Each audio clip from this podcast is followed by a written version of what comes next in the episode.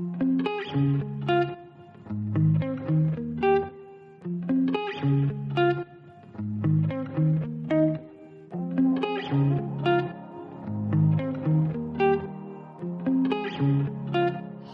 och välkomna tillbaka till podcasten Träning med mig Sebastian. Och mig Henrik.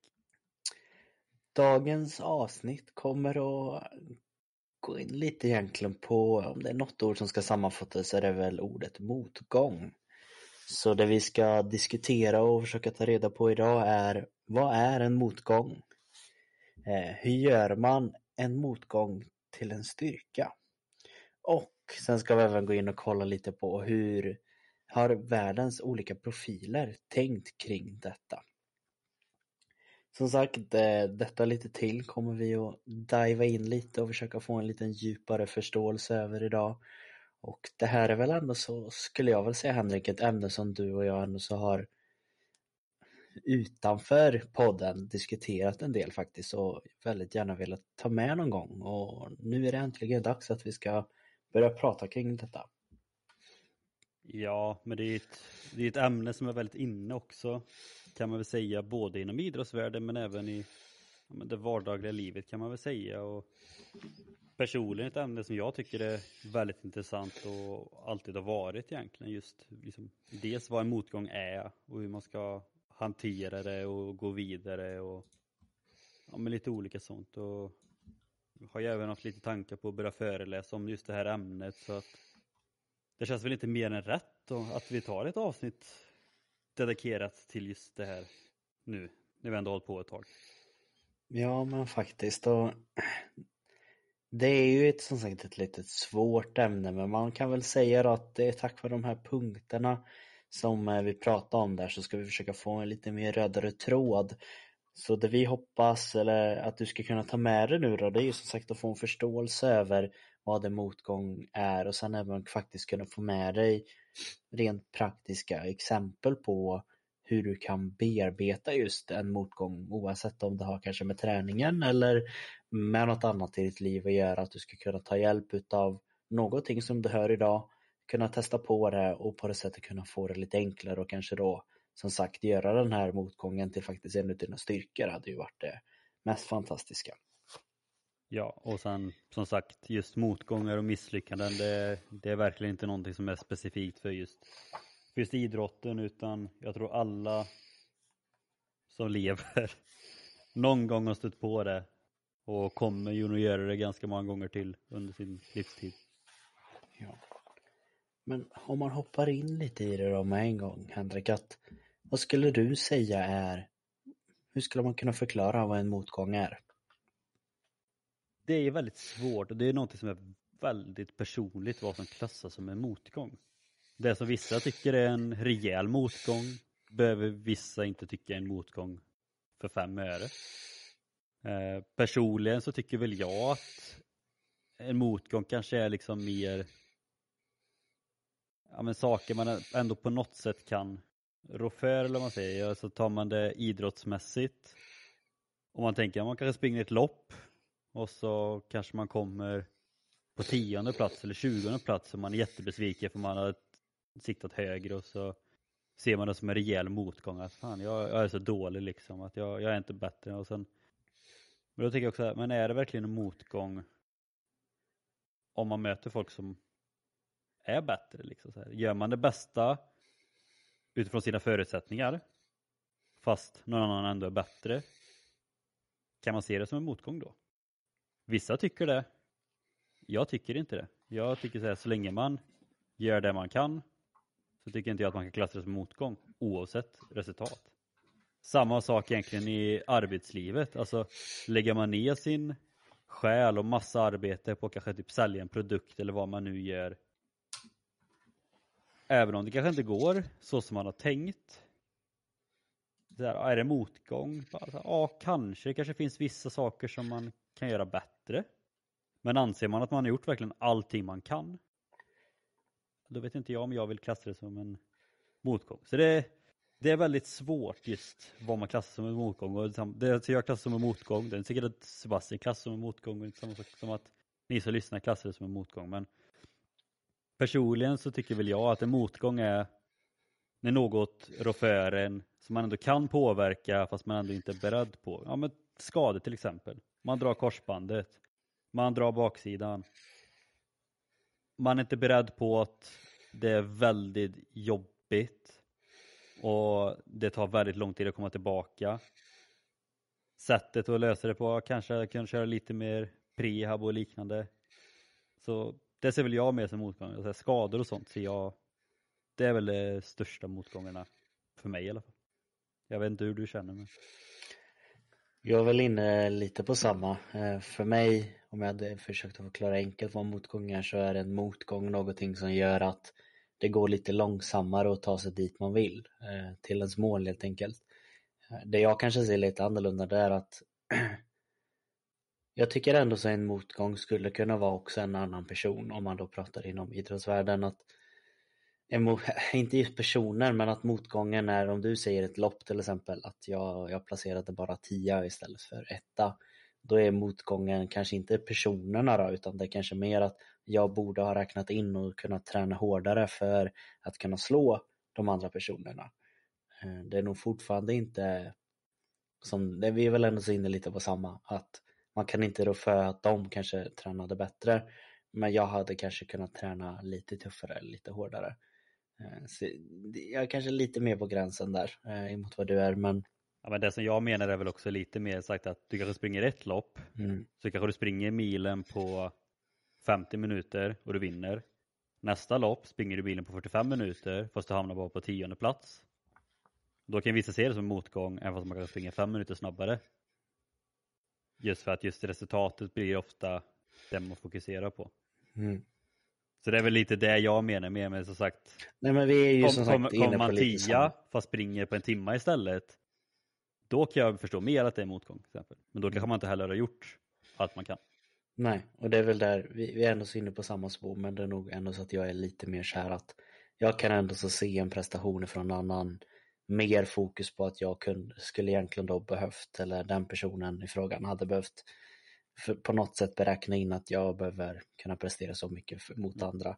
Sen kanske det är brist på bättre ord.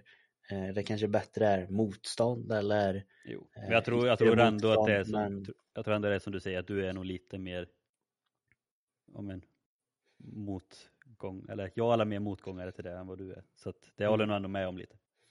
Men det är ändå så lite samma att man kan inte bestämma vad de andra gör till 100% det, det är omöjligt. Men man kan ju fokusera på vad man själv gör i alla fall. Förhoppningsvis. Ja, eh, och det är som sagt just det här redan från början då att vad, vad är en motgång? Redan där har denna frågan splittrat eh, många eh, personer genom tiden och Eh, det har egentligen i slutändan tänkt lite mer på att vad har personen i frågan tyckt är en motgång? Vad har personen i frågan ställt sig i fråga till? Är det här något jag kan påverka? Är det något jag inte kan påverka? Och det har redan där tycker jag redan då kommit massor med fina citat som både du och jag gillar Henrik. Ja, frågorna är, ska vi dra dem nu eller sparar vi dem till slutet som en liten jag vet inte. Jag tänker, jag skulle gärna vilja att du tar med den första lite faktiskt ifrån eh, Frida Karlsson. För den tycker ja. jag passar in bra på just synen på att man kan se olika på en och samma fråga. Ja men verkligen och det här citatet, första gången jag läste det så, alltså det är nog kanske det citatet som liksom har hängt med mig mest eller som har slått mig hårdast eller vad man säger. Eh, och det är så följande då. Jag förlorar aldrig. Antingen så vinner jag eller så lär jag mig något. Eh, och det är då Frida Karlsson, längdskidåkaren, som sa det i någon intervju om jag minns rätt. Och det tycker jag är så klockrent, för det är så många som är rädda för att förlora, de är rädda för att misslyckas för att ja, men, man tjänar inget på det liksom. Men jag tycker hon slår det så perfekt på spiken liksom. Så här, ja, antingen vinner man och då är det skitkul. Och vinner man inte så finns det verkligen någonting att lära sig utav det. Och om det finns någonting att lära sig, är det verkligen en förlust då? Kan man lära sig någonting så är det en seger i sig. Vinner man hela tiden, ja då gör man det ju bra visserligen, fast troligtvis lär man sig inte något nytt. vinner man lite då och då och sen förlorar man lite då och då, men då finns det ju alltid någonting att lära sig. Så att, eh, nej, det citatet gillar jag. Ja, jag, jag, tycker också det är verkligen så här ett praktexempel på hur man kan se att vad är det ens en, mot, är det ens en motgång att tvingas att inte placera där man vill? Är det en motgång att tvingas att man kanske har lite för lite energi att klara vissa former utav mål, delmål till exempel. Man kanske vill springa ett lopp på en speciell tid. Man har ett delmål att efter halva tiden så vill jag springa så här fort och sen så gör man inte det.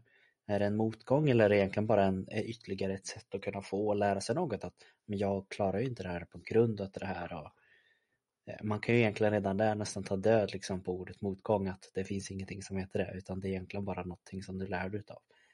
Eh, och det är det jag tycker är väldigt intressant.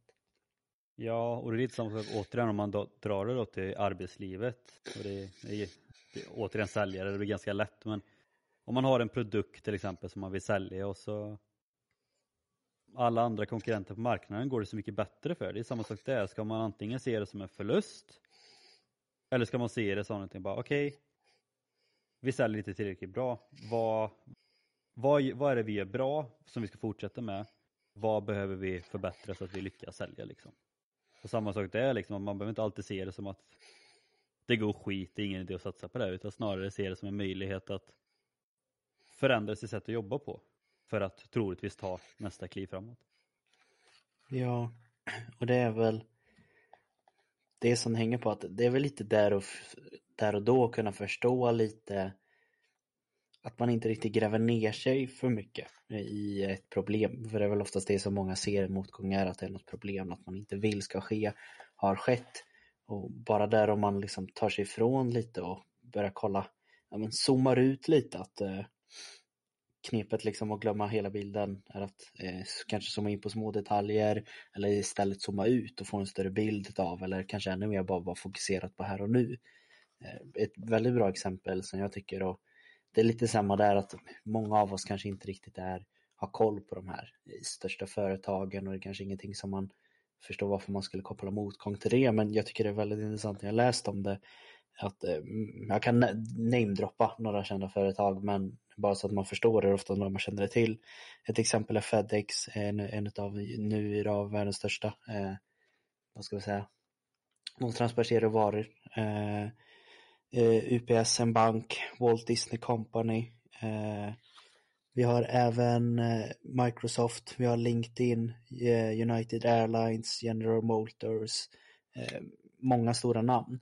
Och eh, de här, det som är intressant just med de här företagen är att anledningen till att de blev störst det var att där och då medan de var i uppbyggnadsfasen till exempel och bygga upp sitt företag så hamnade de i en form av eh, historisk viktnedgång. Alltså det var, det var kris i branschen runt omkring dem.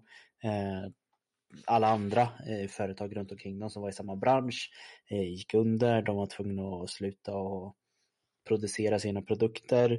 Eh, Medan de här, det som var unikt med just de här företagen och varför de lyckades, det var att de fokuserade kanske inte så himla mycket just på själva motgången, allting som hände runt omkring sig. Utan de såg det mer att, ja men vad är motgång? Vi, vi ska ju bara göra det vi alltid har gjort. Och då anpassade sig de här vdsarna de som hade hand om företaget, fokuserade och göra det de alltid gjorde. Eh, de såg det mer som någon form av lärorikt, att så här ser marknaden ut nu, vad kan vi göra utav det? Utav egentligen bara fortsätta då att se det mer som någon form av lärande så är de ju idag en, en av världens största företag, till exempel som många känner till är kanske Microsoft. Det är någonting som är enormt stort. Tänk om det hade varit skillnad att de som hade hand om de här företagen istället bara gav upp utav en enda motgång. Då hade inte de funnits idag och då hade hela världen sett så otroligt mycket mer annorlunda ut. Men där och då, alla andra gick i konkurs medan de här få valde att liksom stå på sig och ta mer lärdom utav eh, motgången. Men det är också ganska lätt att säga det liksom att ja, men, ta lärdom av motgångarna och jobba sig vidare då. Men då kanske vi går in lite på vår andra punkt där då.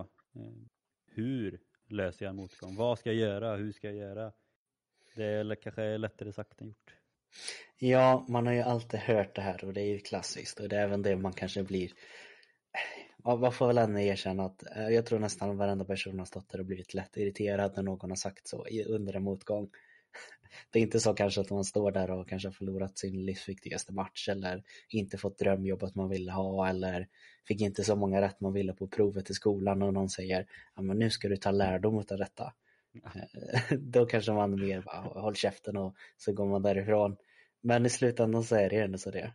Eh, och vi har ju faktiskt med oss några praktiska eh, ja, men lite tips på hur du kan göra applicera detta i ditt liv och faktiskt ta nytta av en motgång och verkligen kunna få ett, ja, ett verktyg och kunna hantera motgången och framförallt då kanske kunna komma upp på topp och kunna prestera ännu bättre med hjälp av de här två.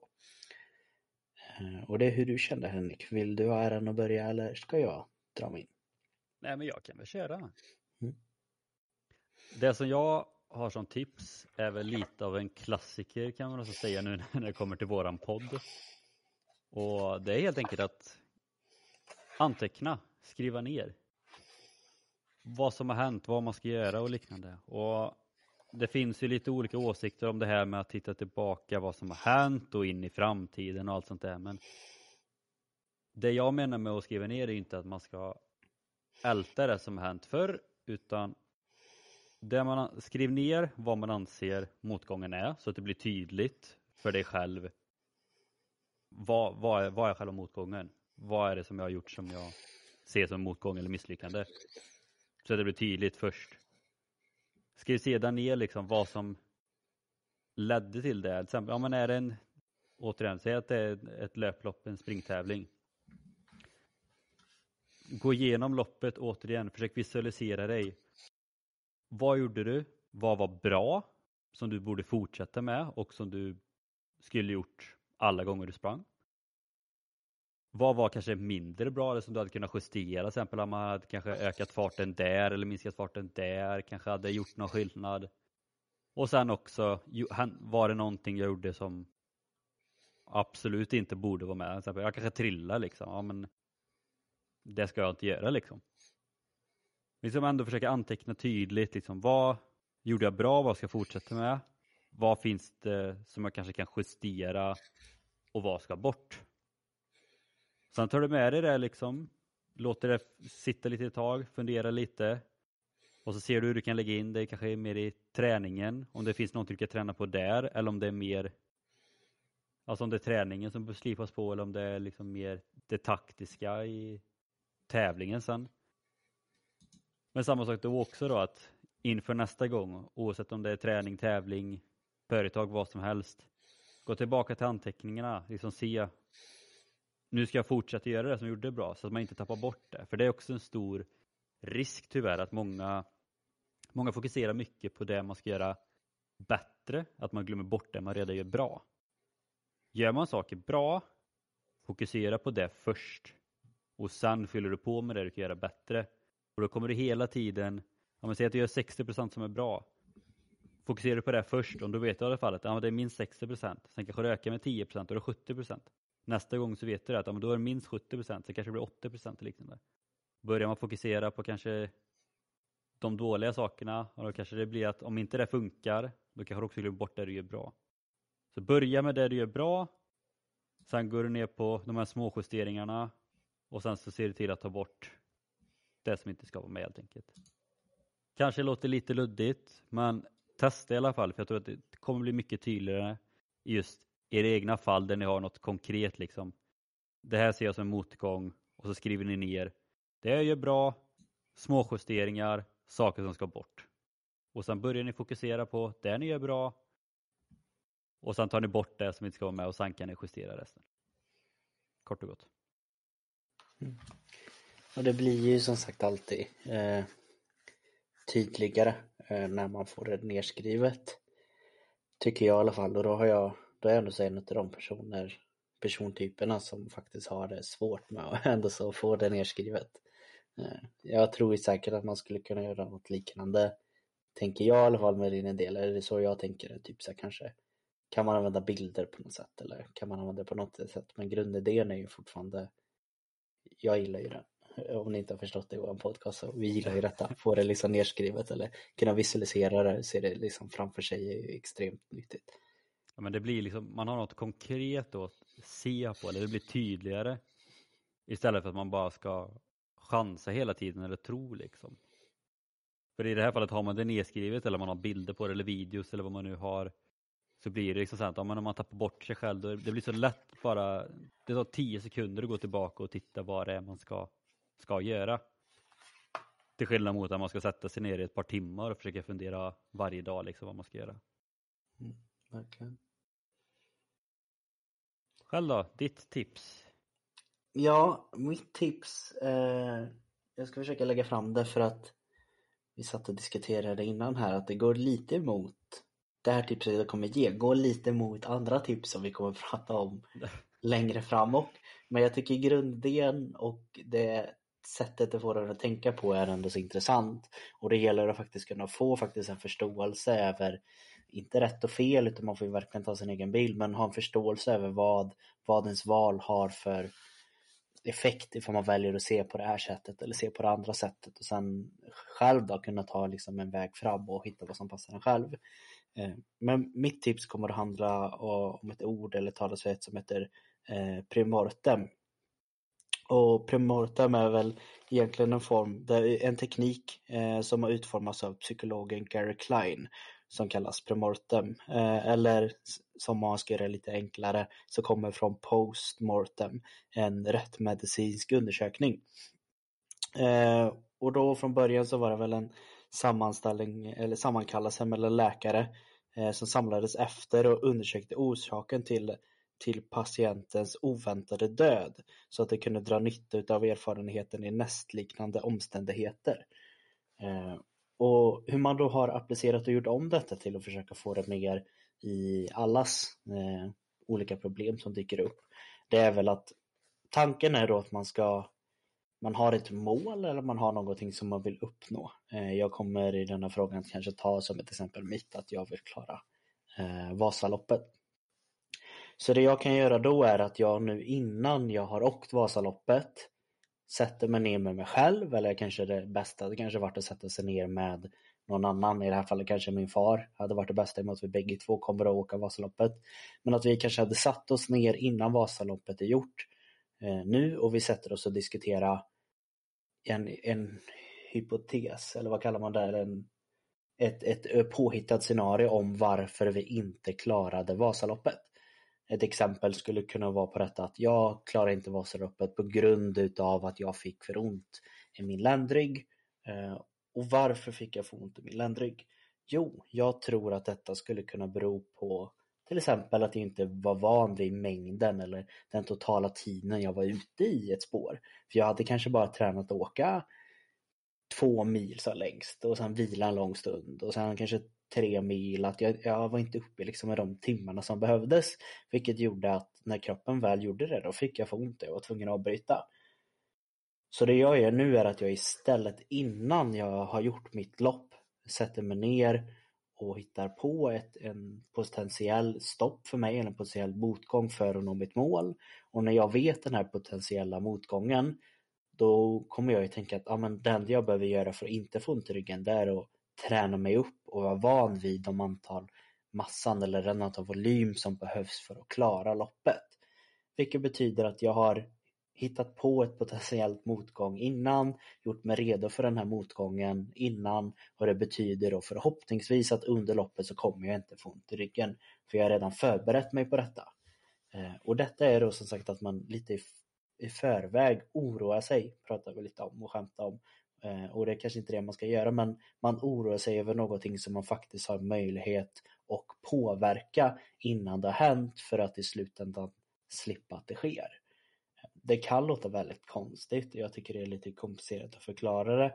Men grundidén tycker jag är väldigt smart att jag vet, var det du som sa Henrik att du sa att du, du har alltid, alla sagt att du är så negativ och alltid tänker på allt dåligt som kan hända. Eh, men ja, men jag, jag, brukar tänka det, tänker man negativt så blir man positivt överraskad. Istället mm. för att mm. tänka positivt och bli negativt överraskad. Ja men lite så att är, är man med på allt negativt som kan hända och man förbereder sig på allting, då är det ju mycket mindre chans att Då finns det inget kvar negativt som kan hända. Lite det är väl vad den här tekniken går ut på att istället för att jag hade stått där efter Vasaloppet och var jättemissnöjd med att jag var tvungen att avbryta på grund utav att jag hade ryggont så gjorde jag detta innan vilket betyder att nu kommer jag kunna stå där sen och göra min lilla lyckodans att jag klarar det. Eh, det gäller ju också att ha en förståelse över att man kan ju inte riktigt stå där och göra de här sakerna med yttre faktorer som du inte har någon kan inte styra över. För då tror jag i alla fall att är man en sån person som oroar sig saker som kan hända som du inte har någon absolut noll koll över eh, då kan man på gräns nästan bli galen tycker jag. Som ett exempel, ja, ja det hade kunnat bli så att vad ska vi ta som exempel? Eh, att, att av någon anledning så hade hela klungan framför mig ramlat. Vilket gjorde att jag också ramlade och bröt min skida. Och eh, då borde jag ju, då kan ju inte jag fullfölja loppet för att jag har en för liten skida liksom. Det går ju inte. Och hur ska jag förbereda mig på det? Jo, jag skulle kunna ta med mig ett par extra skidor för att faktiskt kunna klara detta. Men tänk om extra skidorna gick sönder, då måste jag ta med mig två par extra skidor. Och så kan man ju bara hålla på så oroa sig om och om igen. Och lite där förstår man att det blir ju extremt. Man kan ju inte göra så. Man kan ju inte gå och oroa sig för att eh, ett träd ska falla ner varje gång du går utanför en ytterdörr. Det, möjligheten finns men antagligen så kommer det inte ske. Lite samma här med när man har ett mål att vara realistisk i vad du kan faktiskt förbereda dig på. Och här är ju det viktiga att verkligen hitta en lösning på problemet. För när vi pratade lite om det här innan så var till och med jag lite så skeptisk. Man, det är just det man hör hela tiden, man ska inte ha några negativa tankar inför framtiden för att tänker man negativt så är risken större att det händer. Och jag vet att vi hade lite, pratade jag och Sebbe, så att jag, var, jag var lite tveksam ändå innan, ja, innan vi kom fram till vad det var du menar på riktigt eller vad man mm. säger. För det kom, då började jag också tänka liksom lite när vi jobbat med visualisering och sånt i skolan också.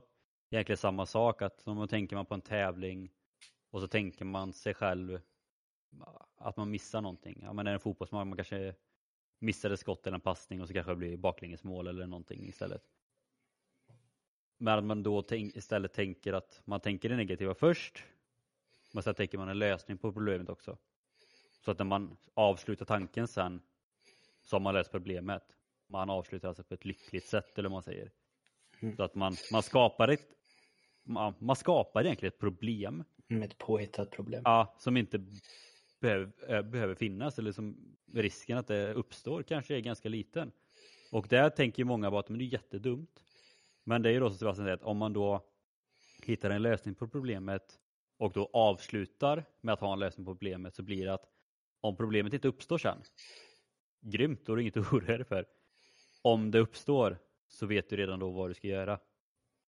Det är ju mest det, så att liksom hitta lösning på det. Sen kanske du inte behöver sitta och tänka på Allt. varenda liten eh, minidetalj som kan gå fel. Liksom. Men några små grejer också liksom, för att kanske lugna nerverna. Liksom, att ja, men nu har jag hittat tre grejer som kan gå fel och jag har en lösning på alla de tre grejerna. Skulle någonting annat dyka upp som inte jag har tänkt på, då löser jag det. Liksom.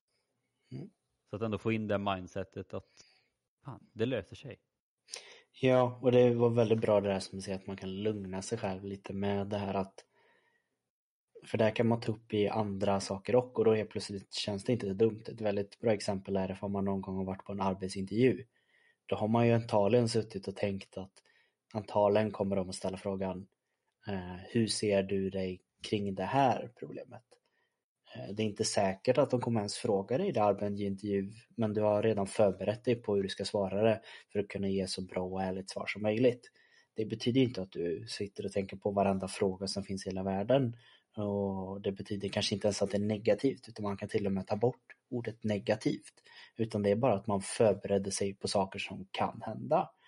Eh, och det gör det ju på all väg. Det kan alltid vara någonting som går lite fel. Men ofta så gör det inte det. Och det är som sagt, man får nog vara lite försiktig med det här också tänker jag och inte gå in för mycket och planera varenda liten sak man gör i sitt liv i förväg att det kan hända. Eh, för då är man för mycket i den här loopen som är det farliga som vi kanske pratat om att man, man, man är mer i dåtid och framtiden är nutid och då missar man till slut nutiden och då det spelar ingen roll hur pass förberedd man är liksom. Ja, det får inte bli ett problem. Nej. skapa inte mer problem än vad som redan finns i vardagen. Exakt. Så där fick ni väl ändå så skulle jag säga eh, två lite mer praktiska exempel som man faktiskt kan göra även här. Skriva ner bägge två. Eh, skriva ner Henkes eh, förslag eller skriva ner mitt här i slutet och har man det nerskrivet så vet man igen att det blir ytterligare en större chans att man eh, lyckas med det man vill som sagt. Ja, och det är två allmänna tips. Det är, återigen, det är så personligt just det här med motgångar och misslyckanden så att det beror helt på hur man är som person, hur man ska lösa det, hur man ska tackla det liksom. Så att det här är mer ganska allmänna tips liksom. Medan för vissa kan det ju vara helt andra saker som funkar bäst. Mm. Vi har ju våran sista eh, punkt och här så har vi diskuterat eh, lite olika eh, hur vi skulle kalla det och hur vi skulle kunna prata om det. För er i början så eh, nämnde vi kanske att hur gör man en motgång till en styrka. Vi har även pratat om konsten att acceptera eh, Eh, och det är väl lite det som vi ska diskutera nu i slutet då, när man både har fått en kanske lite förståelse av vad motgång är, man har fått lite, eh, några tips i alla fall hur man skulle kunna acceptera det. Men hur har folk eller våra olika världsprofiler tänkt kring detta och kan man få ytterligare några tips i konsten att acceptera? Ja, ska vi, jag vet inte, jag har skrivit ner en massa citat och du är också lite sånt. Jag vet inte, ska vi dra varannan eller ska vi dra lite huller om buller? Ja, jag tänker vi tar lite varannan. Då blir det förhoppningsvis enklare för er att hänga med här lite nu då. Du kan få äran att börja igen då. Men jag tänker ändå att jag drar två stycken för jag tycker ändå att de hör ihop lite. Eh, mm. Så första citatet är Jag må gå långsamt framåt men jag går inte tillbaka. Och det är Abraham Lincoln som sa det. Eh, USAs före detta president. Och den tycker jag är liksom väldigt bra för att ja, det behöver inte gå fort framåt. Men så länge man ändå har blicken framåt och inte hela tiden blickar tillbaka. Sen vill jag bara lägga till det att mitt tips var ju att analysera lite till exempel det misslyckandet. Ja, men då analyserar man, man ältar inte.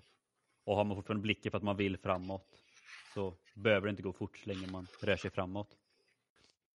Och det andra citatet är Framgång är inte slutgiltigt. Misslyckande är inte dödligt. Det är modet att fortsätta som räknas. Och det är Winston Churchill som var brittisk premiärminister.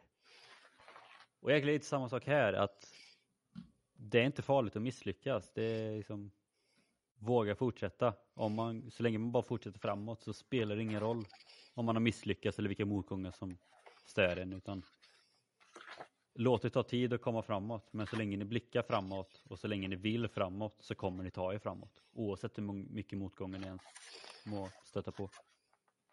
Mm.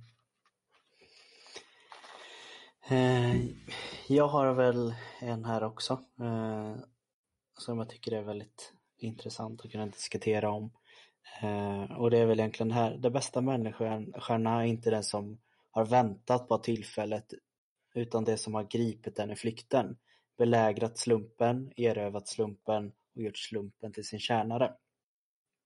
Här så har de tagit upp ett exempel ifrån eh, Barack Obama. Eh, under hans eh, presidentkampanj så kom det upp lite etniska skandaler där hans pastor Jeremy Wright uttalade sig lite och flera utav dem som var i hans närhet såg detta som en absolut kris i hans uppbyggnad. Han var ju ändå av den presidenten som hade väldigt tydligt i modern tid eh, kunnat fört samman eh, de svarta väljarna och eh, de vita och hade gjort det otroligt bra.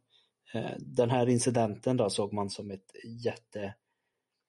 jättefiasko. Man såg det som att de allra flesta hade kanske flyttat ifrån och försökt att dölja det och gömma sig i skymundan.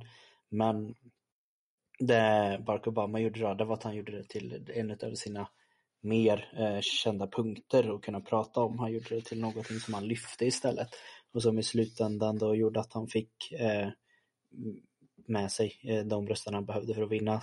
Han höll ett tal, om man känner igen det så heter det eh, ett A More Perfect Union-talet. Och det är ett väldigt omvält eh, ögonblick helt enkelt. Och det som kan vara bra att ta med sig det här det är väl kanske det framförallt är att många idag just med eh, motgångar och sånt när man väl har hamnat i en form av nedgång. De sitter mer och väntar på att det måste komma någon lösning. Eh, jag, jag har hamnat här, men jag, jag, jag får acceptera att jag är här nu. Det är ingenting jag kan göra åt, utan någon gång kommer det säkert komma någonting som gör att jag tar mig härifrån, eller det kommer säkert landa ner något i mitt knä som gör att jag faktiskt kan göra det jag ville från början.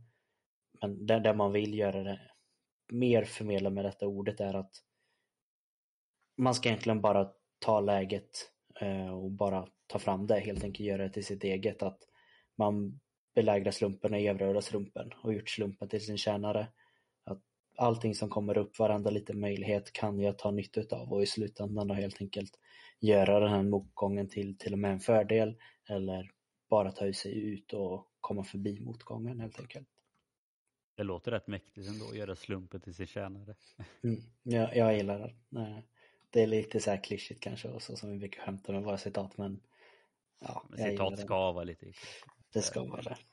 Det är bara att gå in och lyssna på Albin Blomfelt avsnittet så har vi pratat ja. mycket om citat. Ja men citat, citat kommer man långt på. Ja. Eh, om jag ska fortsätta där då, så mitt nästa citat är Allt är ett lärande. Små barn måste ramla innan de lär sig gå. Varje gång de reser sig upp så stärker de benen som är en förutsättning för att kunna stå och gå. Eh, och det var Kjell Enhager som sa det här. Kjell Enhager är en svensk vad kan man säga, coach och föreläsare. Har ni inte lyssnat på honom så gå in och gör det. Han är grym. Det finns både, han har både sommarprat och böcker och föreläsningar på Youtube och allting. Han är fantastisk. Och ja, en liknande grej är också fail som en förkortning istället. Så fail är ju misslyckande på engelska då, men, istället, men att det mer står för first attempt in learning. Tycker jag också är bra. Och återigen, de här går ändå lite ihop att för att komma någonstans så måste man, måste man misslyckas. Men snart, små barn måste ramla innan de lär sig gå. Det, det är så de gör. Och ni, jag tror ni kan tänka er egentligen nästan vad som helst under er uppväxt och i vuxenlivet och allting. Att ja, men, när ni skulle lära er att dyka till exempel, det var jätteläskigt i en början. Och man misslyckades många gånger. Sen lärde man sig till slut och det var inte läskigt längre. Man körde när man skulle övningsköra första gången. Man hade noll koll på hur man växlade eller någonting. Och så misslyckades man ett par gånger. Sen lärde man sig. Nu är det inget problem. När man skulle börja jobba för första gången. Man var jättenervös, hade ingen aning vad man skulle göra. Och man gjorde fel ett par gånger. Och sen till slut så lärde man sig och det var inga problem. Det, jag tycker att det är bättre att misslyckas. För då vet man hur det känns och då behöver man inte tänka på det sen. Istället för att hela tiden behöva gå och vara nojig över det. Mm.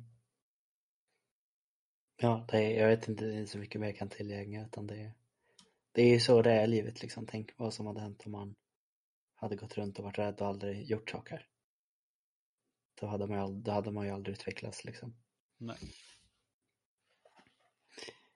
Perfekt. Jag har en liten till här som kommer ifrån eh, ett sätt från Klentes, eh, en grekisk filosof. Eh, han var väl boxare från början om jag inte minns helt fel men han sadlade om lite. Och det han säger är väl att ödet leder den människan som accepterar det och hindrar den människan som försöker stå emot den. Och här så har det kommit upp också diskuterat just kring eh, Thomas Jefferson eh, som vi känner idag som är eh, ett otroligt duktig på att skriva. Eh, men det man kanske inte visste just kring han var att eh, han hade väldigt svårt just med talet. Han var väldigt eh, reserverad och grubblade väldigt mycket och påstod även ha talfel. Det han gjorde då, det var att han som sagt kanske mer anammade det han var bra på eller konsten att acceptera vem han var. Han visste att han kanske inte var den bästa på just talet utan det han la ner hela sin vikt vid var ju då istället sitt skrivande. Och nu är det här kanske mer politiskt tänkt som man har pratat kring men han, men det är ju någonting som jag också tror många gör otroligt fel med ordet motgångar. Eh, hur många känner inte igen sig själva eller någon runt omkring en som har stått och sagt den här om jag bara hade det här, om jag bara hade gjort det där. Tänk om jag hade de här förutsättningarna så hade jag klarat av detta. Ja, du hade inte dem. Det är liksom, vad, vad ska du göra åt det? Och här tycker jag i alla fall att det är förskönat lite och man, man är lite för där, ja, stackars dig, tycker jag idag att det är väl egentligen att kommer man till insikten att det är upp till dig, det är egentligen bara att acceptera det, då tror jag att livet kan bli otroligt mycket enklare för väldigt många. Och det är väl det också som vi pratar just om, det jag pratar om premortem, att man inte ska kanske leva i framtid eller dåtid, utan man ska leva i nuet, att det är liksom de här korten du har fått. Eh, du har fått de här motgångarna om du vill kalla det. Antingen så är det kanske att eh, om det är fysiska motgångar, om det är psykiska, om det är vilket bagage du har med dig. Vi alla har något form av bagage som vi går och bär på. Eh, antingen så kan du då, som han sa, vara en av de människorna som liksom hindras utav det. Eller så är det den människan som accepterar ditt bagage och egentligen då ta vara på det och kunna göra något fint utav det. Tar man det kanske i sportvärlden så kan man ju ta vi pratar lite där kanske mer om förutsättningarna. Vad pratar vi om? Vi pratar om Zlatan.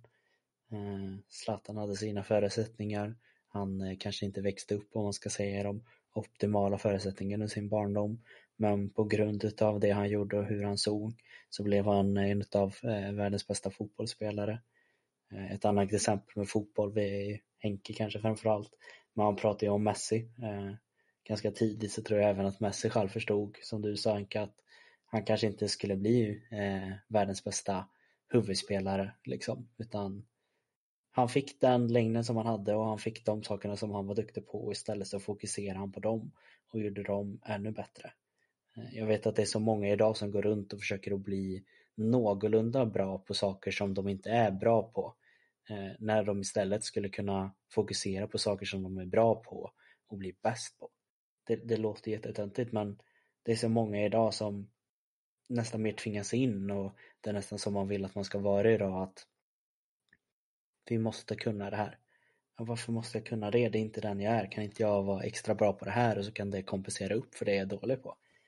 Och det är som sagt konsten, konsten att acceptera egentligen. Men det är väldigt vanligt det där att man pratar så mycket om men vad, vad är dina svagheter, vad vill du jobba på, okej okay, men fokuserar vi på det. Mm. Och så står man still på det man är bra på. Men det är som du säger liksom att, amen, varför inte bara bli bäst på det man är bra på redan. Så, ja, men mycket handlar också om, vill jag bli bättre på det jag är inte bra på, ja men kör på det. Men i många fall så är det bara att, men jag bryr mig inte så mycket om det. Jag ser hellre att jag blir bättre på det jag redan är bra på. Jag kanske vill bli världsbäst liksom.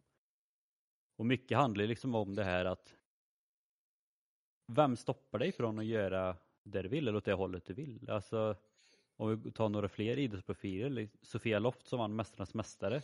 Jag tror inte det är så många som har sett henne bara, hon kommer bli världens bästa tyngdlyftare liksom och slå världsrekord.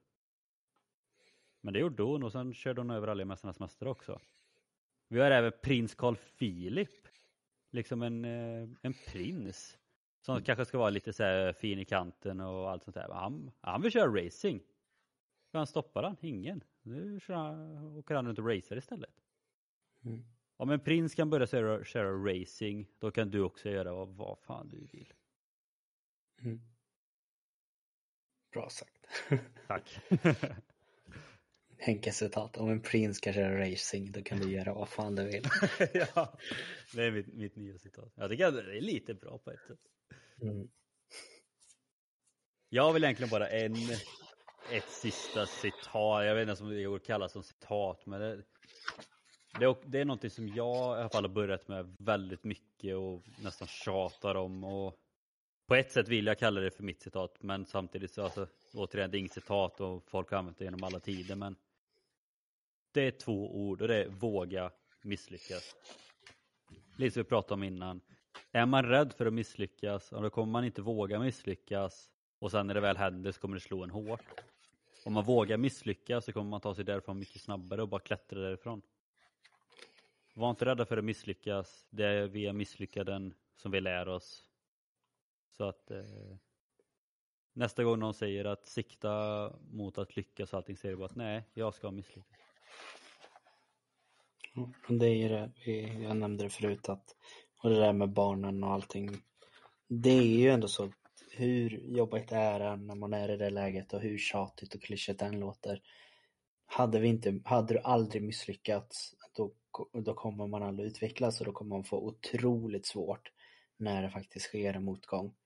Ett exempel som man brukar skämta om är kölade barn till exempel, som har fått allting som de har bett om i sitt liv. När de väl får en motgång, då kraschar det rejält. Medan man då brukar se kanske mer, vad kallar man då, maskrosbarn som har liksom haft de absolut svåraste förhållandena. De är vana att kämpa för allting, lära sig om varenda misstag, varenda fördom de har fått emot sig. Och de här barnen, inte alla, men flera utav dem, de kan komma upp och bli otroligt starka. Man, alltså man kan nästan säga lite så här, ju längre man går utan att misslyckas, desto högre blir fallet. Mm. Så jag tänker att ni går upp för ett berg och sen misslyckas ni lite då och då, men det är så här, ni, kanske, ni kanske klättrar upp och så tappar ni greppet och faller ner två meter och så klättrar ni upp igen liksom sakta men säkert det här med att ja, jag må gå långsamt framåt men jag går inte tillbaka. Medan sen kanske ni går och sen är ni precis vid toppen.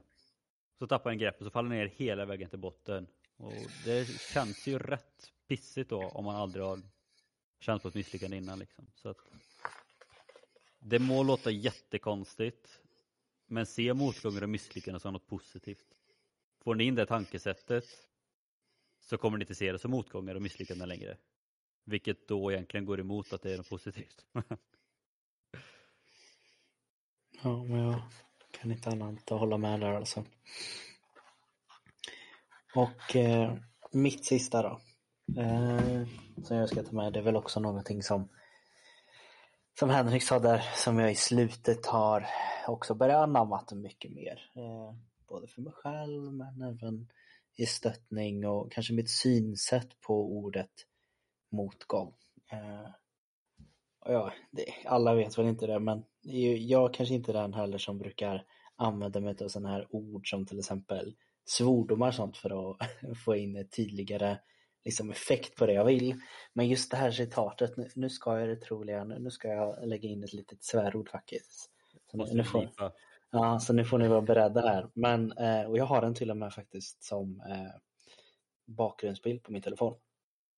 Eh, och det är Fuck your excuses. Eh, och tar man det svenska, fan ta dina ursäkter. Och det jag vill kanske komma fram just med, med det här ordet motgång och hur löser jag motgång och konsten att acceptera är väl att ännu mer idag eh, än någonsin så har det helt plötsligt blivit en kultur att man kan säga att allting som går emot den går att hänleda till någon annan. Det går att säga att anledningen till att jag är här idag det är på grund av att den här personen i årskurs 5 betedde sig så här mot mig och eh, det gjorde att jag blev ledsen och gjorde att jag inte lyckades med det jag ville.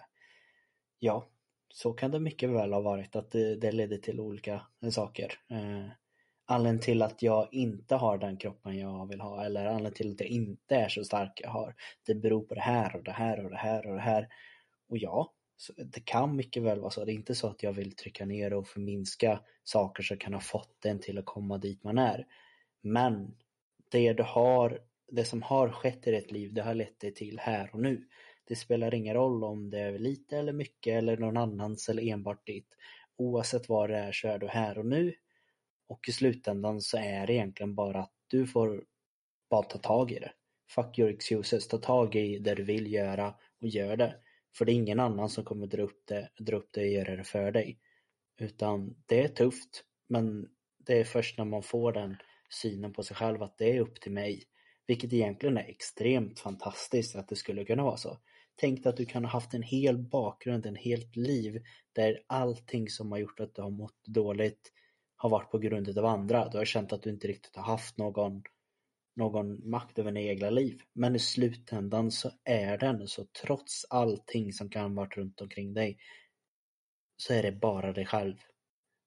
Det kan fortfarande vara bara en jättestor grej men i slutändan är det, det är bara du som kan ändra på det.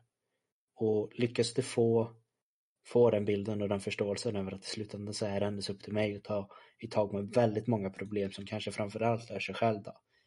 Eh, det är det jag pratar om. Men vänder du din egna synsätt då, då är det här klassiska, då finns det ingenting som kan stoppa dig. Tror du på dig själv, kör på helt enkelt.